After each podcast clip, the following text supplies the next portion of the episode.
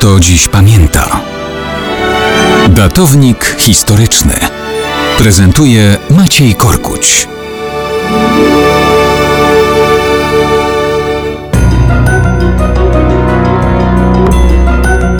Mało kto dziś pamięta, że 28 października 1886 roku odsłonięto w Nowym Jorku statuę wolności.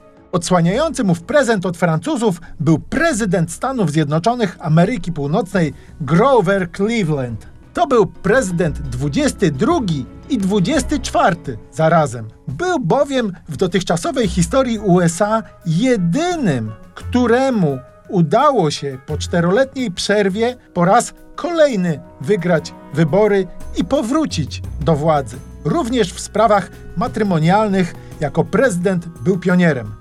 Był kawalerem, kiedy uczestniczył w kampanii wyborczej jako kandydat demokratów. Republikanie, szukając haków, ujawnili sprawę, która miała jednoznacznie Clevelanda pogrążyć. Ogłosili mianowicie, że niejaka Maria Helpin, mężatka, ma syna narodzonego poza jej ślubnym związkiem.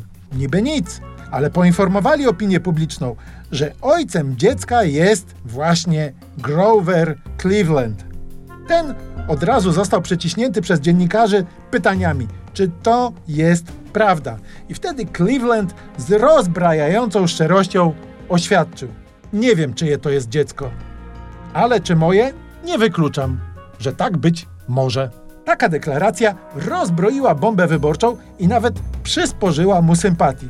Prezydentem został i wciąż był kawalerem. Wtedy do Białego Domu zaprosił rodzinę Folsomów, którą się opiekował po śmierci starego Folsoma, głowy rodziny. Okazało się, że w międzyczasie córka Folsomów, Frances, osiągnęła 21 rok życia. Wtedy, starszy o 27 lat, niemal 50-letni prezydent USA poprosił ją o rękę. Oświadczyny zostały przyjęte i po raz pierwszy w historii USA odbyła się w Białym Domu ceremonia zaślubin aktualnie urzędującego prezydenta. No a co ze statuą wolności? No, tyle czasu stoi, to jeszcze i datownika się doczeka.